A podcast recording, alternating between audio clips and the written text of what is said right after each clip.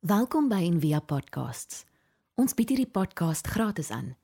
Om 'n bydrae te maak, besoek gerus ons webblad en via.org.za vir meer inligting. Liefde is soos 'n muntstuk uit 'n kop en uit 'n stert. Soos die Romeinse god van liefde Cupido, die oulike ou babietjie met engeltjie vlerke, maar wat met 'n pyl en boog rondvlieg. Sy pa was immers Mars, die god van oorlog. En wat hierdie liefde doen is, hy kan gesond maak en hy kan verwond. Het jy al agtergekom hoe's dit dat jaloesie so naby is aan liefde? Hoe is dit dat bitterheid, dat haat, gedagtes van wraak, gedagtes van verwerping so naby is aan liefde en baie keer aan mense waarvoor ons lief is. So die Bybel gee vir ons die mooiste vensters op liefde en help ons om ons eie verwonding te verstaan en ook hoe die liefde werk, hoe die liefde kan gesond maak, maar ook hoe die liefde kan seermaak. So die storie van Josef is is so mooi verhaal wat ons kan help daarmee. En jy onthou een oggend word Josef wakker en dit was 10 teen 1 by die ontbyt. Tafel toe sê sy boeties hoor ek 'n groot droom gehad. Ehm um, julle gaan voor my buig, ek gaan die koning word. En vir 'n oomblik is dit 'n pyl wat 'n baie dieper wond tref. En wat vir 'n oomblik eintlik 'n totale irrasionele besluit van daai boeties laat tot stand kom wat sê maar ons gaan ons boetie van ontslaa raak en hulle gooi hom in 'n put. Maar kan kan 'n droom so erg wees? Nee, ek dink nie dit kan nie. Maar 'n lewe waar jy lewe met 'n pa en dis Jakob en hulle ma se naam was Lia en hy wou nie met Lia getrou het nie. So daar's daar's al klaar verwerping. Hy het ook nie baie van hierdie seuns gehou nie. Maar was baie lief vir Josef wat uit Rachel gebore is vir wie hy baie lief gehad het. En hy het hom duidelik voorgetrek. So hier's die moederwond van elke mens op hierdie aarde. Ons almal sit op 'n dag aan 'n tafel, waar dit nou ook al is. Dis in jou gesin, by die skool, by jou werk, wat jy die boodskap kry en wat daai een pyl net te veel is wat jou herinner ek is nie goed genoeg nie. Jeremia skrywe oor hierdie wond ook kollektief as hy oor Israel praat en dan sê hy besef julle die pyn wat in die Here moet wees dat dat julle is soos 'n vrou wat oorspel pleeg. Weet julle hoe voel haar man? En jy kan absoluut sien met hoeveel deernis nê nee, hierdie man praat en hoe hy voel. En luister wat skryf hy nou. Hy sê my volk se wonde is ook my wonde. Dis in Jeremia 8 vers 21. Hy sê ek is in rou deur angs oorweldig. Is daar nie balsem in Gilead nie? Is daar nie 'n dokter nie? Waarom het my volk nie gesond geword nie? So die balsem van Gilead, balsem is masalf. En Gilead is toevallig, dis 'n bergreeks waar Josef se broers hom as 'n slaaf verkoop het. En ek en jy, daar kom 'n plek wat ons ook in Gliadland.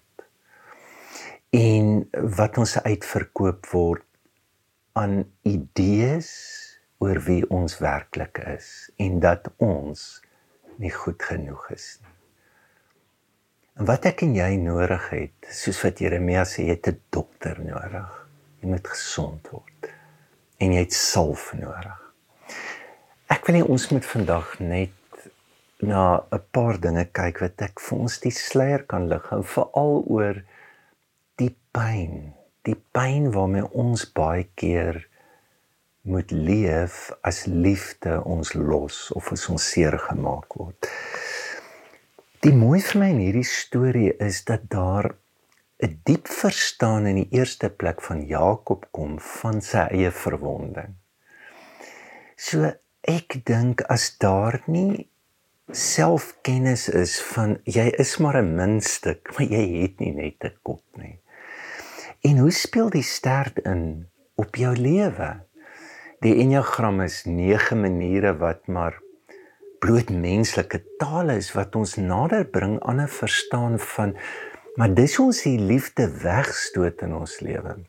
Dis ons die liefde ontvang in ons lewe. Daar's daar's daar's 'n wond in elke een van ons en dit lyk anderster, maar dit is hoe ons werk en omgang met die liefde.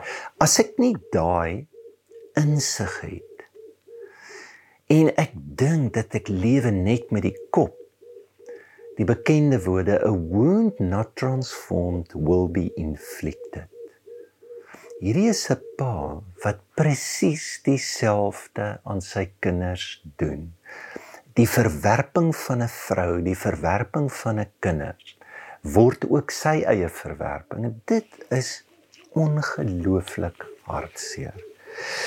So die dag as jy nou 'n takkie vat en jy sny die takkie na jou toe. En elke keer as jy sny, sê maar hier is die mense, hierdie persoon het my seer, hier het ek seer gemaak. En jy vat daai selfde tak en jy sny na die ander kant toe, het ek ook seer gemaak. En dit is hoe ek gewoonlik seer maak. As ek dit nie kan sien en wat eintlik hartseer is dat Jakob, dank die Here, sien dit eers aan die einde van sy lewe. En dan dan doen hy hierdie mooi ding, Genesis 50. Hy sê voor sy dood het u vader beveel. Nou praat die seuns met Josef. Hy het 'n koning geword. Hulle kom terug. Hulle weet dis nou die einde van hulle. Josef gaan weer wraak neem teen hom en dan kom hulle en sê oor die jou pa het gevra, "Kan jy ons asseblief nie vergeef?" 'n Pa wat insig kry in homself en in sy eie gebrokenheid veroorsaak dat daar heling kan kom. Ek het hierdie week so baie gedink aan Henry Nouwen want as daar iemand is wat ek dink ehm um, seker die een van die wêreld se grootste invloede geword het om mense gesond te maak dan is dit hy en hy het hierdie boek geskryf The Wounded Healer wat eintlik vir predikante wil sê dat as jy nie jou eie verwonding verstaan nie is jy eintlik 'n verskriklike risiko in die bediening want jy gaan eintlik jou wonde maar net probeer heel deur ander mense wat jy nie gaan regkry nie. En jy onthou nou, hy was hierdie ongelooflike akademikus um, by Harvard en by Yale en op 'n kol net sê maar ek kan met my kop lief en nie met my hart nie en toe gaan werk hy vir die res van sy lewe by 'n gestremde plek, 'n huis. Um en hier sy skryfwerk ontstaan en hoe is dit dat as jy na hom kyk dan is hy talent is nie die ding wat niemand praat oor sy akademiese werk of goed nie. Hoe hoe is dit want hier's die gevaar van talent. En jy sien dit ook met Josef dat ja, hy hy hy was nie witbroodjie en hy was hy skerp is is geen wonder dat die koning sien maar hierdie persoon kan kan 'n land regeer. Hy het dit. Maar jou gawe kan ook ongelooflike jaloesie uitlok. Jou gawe kan ook iets word waarin jy jou sukses, jou jou liefde, jou passie vir goed kan ook gevoed word deur jou talente.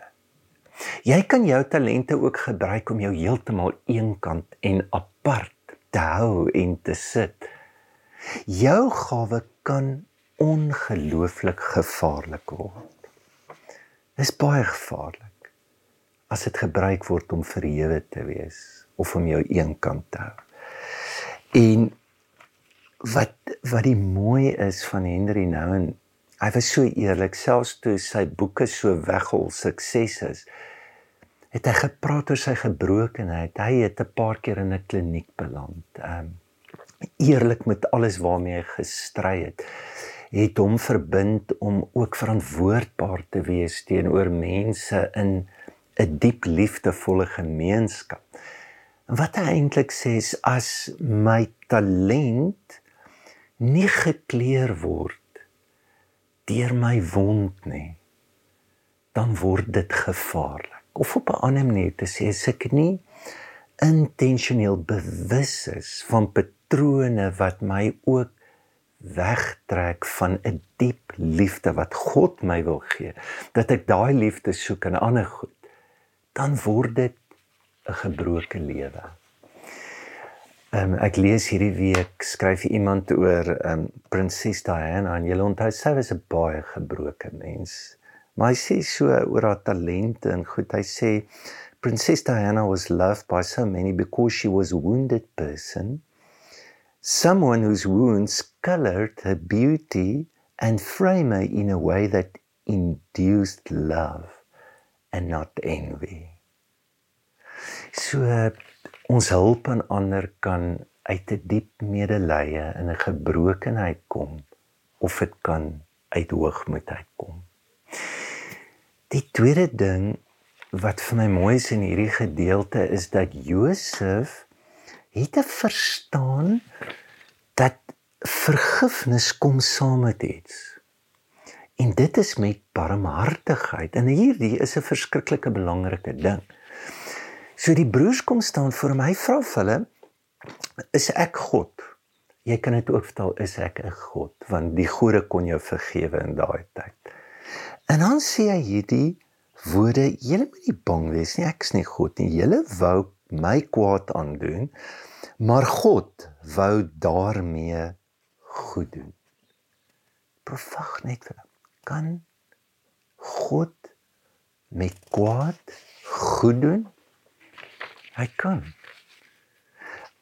As ons liefde of vergifnis losmaak van barmhartigheid want die grootste verstaan van vergifnis kom uit die woord barmhartigheid en is toevallig die woord vir liefde um in uh, Hebreëus is dit gesed en um ons weet nou dat Moses dat Elia toe hulle God wou sien en God verskyn en openbaar hom dan roep Moses die woorde uit en hy sê um ek weet o Here dat U 'n barmhartige genadige God is, lankmoedig, groot van trou en een wat onregverdigheid, oortredinge en sonde vergewe.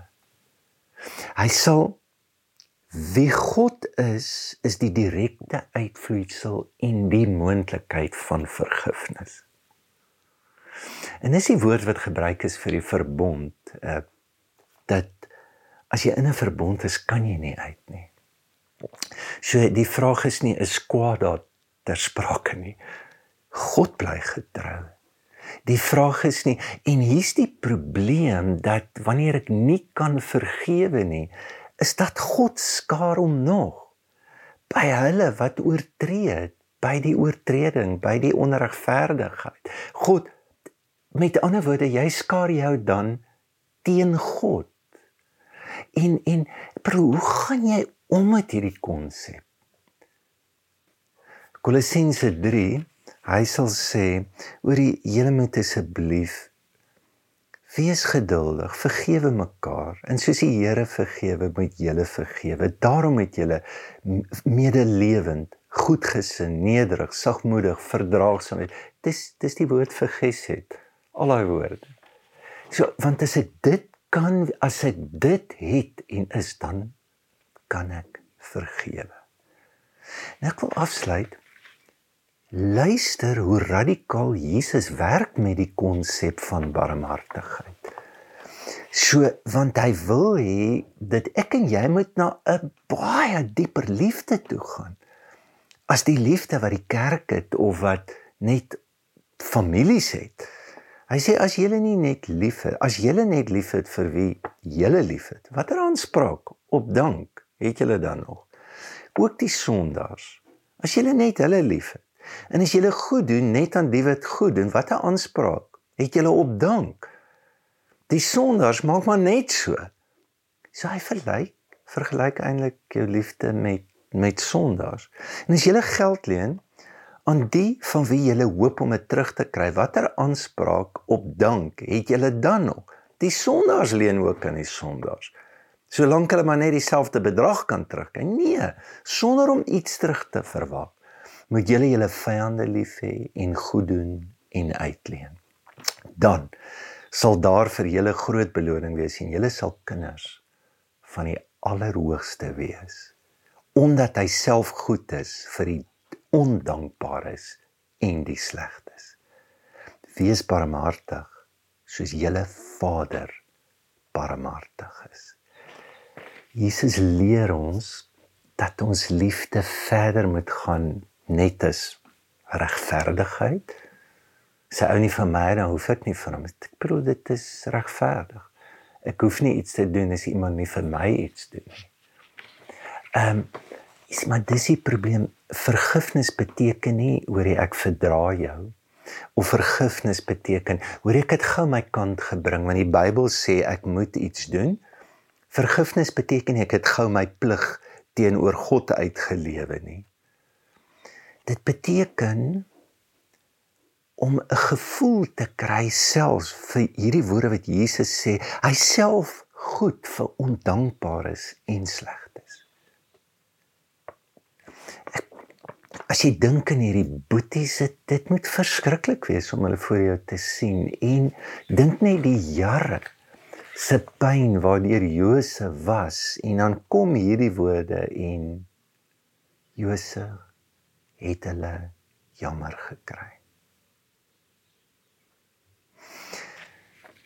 Wat beteken dit dat Jesus vir jou en my sonde geword het?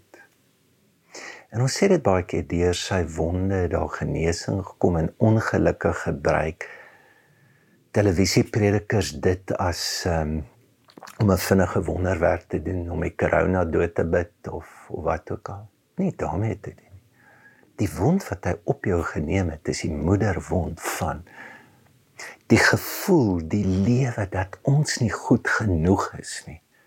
En dat ons dit altyd in ander liefdes gaan soek. Dis wat hy op hom neem. As hy sê hy het sonde geword vir jou en my, dan sien jy dit aan die kruis, die diepste afkeer, dis amper weer 'n Jakob wat hy uitroep my God, hoekom het jy my gelos? Dis die moederwond waarvoor hy sterf.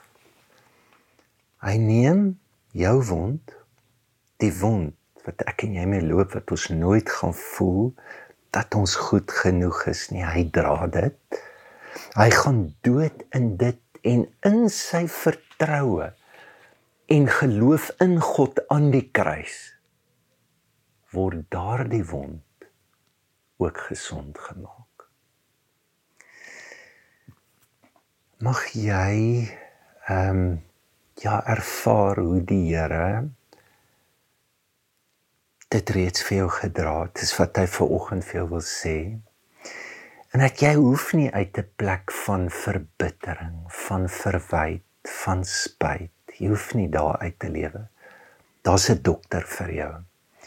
Daar's balsam vir jou. Daar's genesing vir jou. En dit kom uit 'n verskriklike diep plek wat barmhartigheid genoem word. Wat as jy God kan sien, sal jy ook soos Moses kan uitroep: O God, barmhartig, goedertieren, groot van ontferming. Mag jy daai gevoel ervaar en die hande en die liefde op jou hoe God ook vandag deur sy genade en barmhartigheid in die diepste hakplekke in die sterk kante van die liefde vir jou genade bring om te kan vergewe. Ons hoop van harte jy het hierdie podcast geniet of raadsaam gevind. Besoek gerus en via.ok.za vir meer inligting.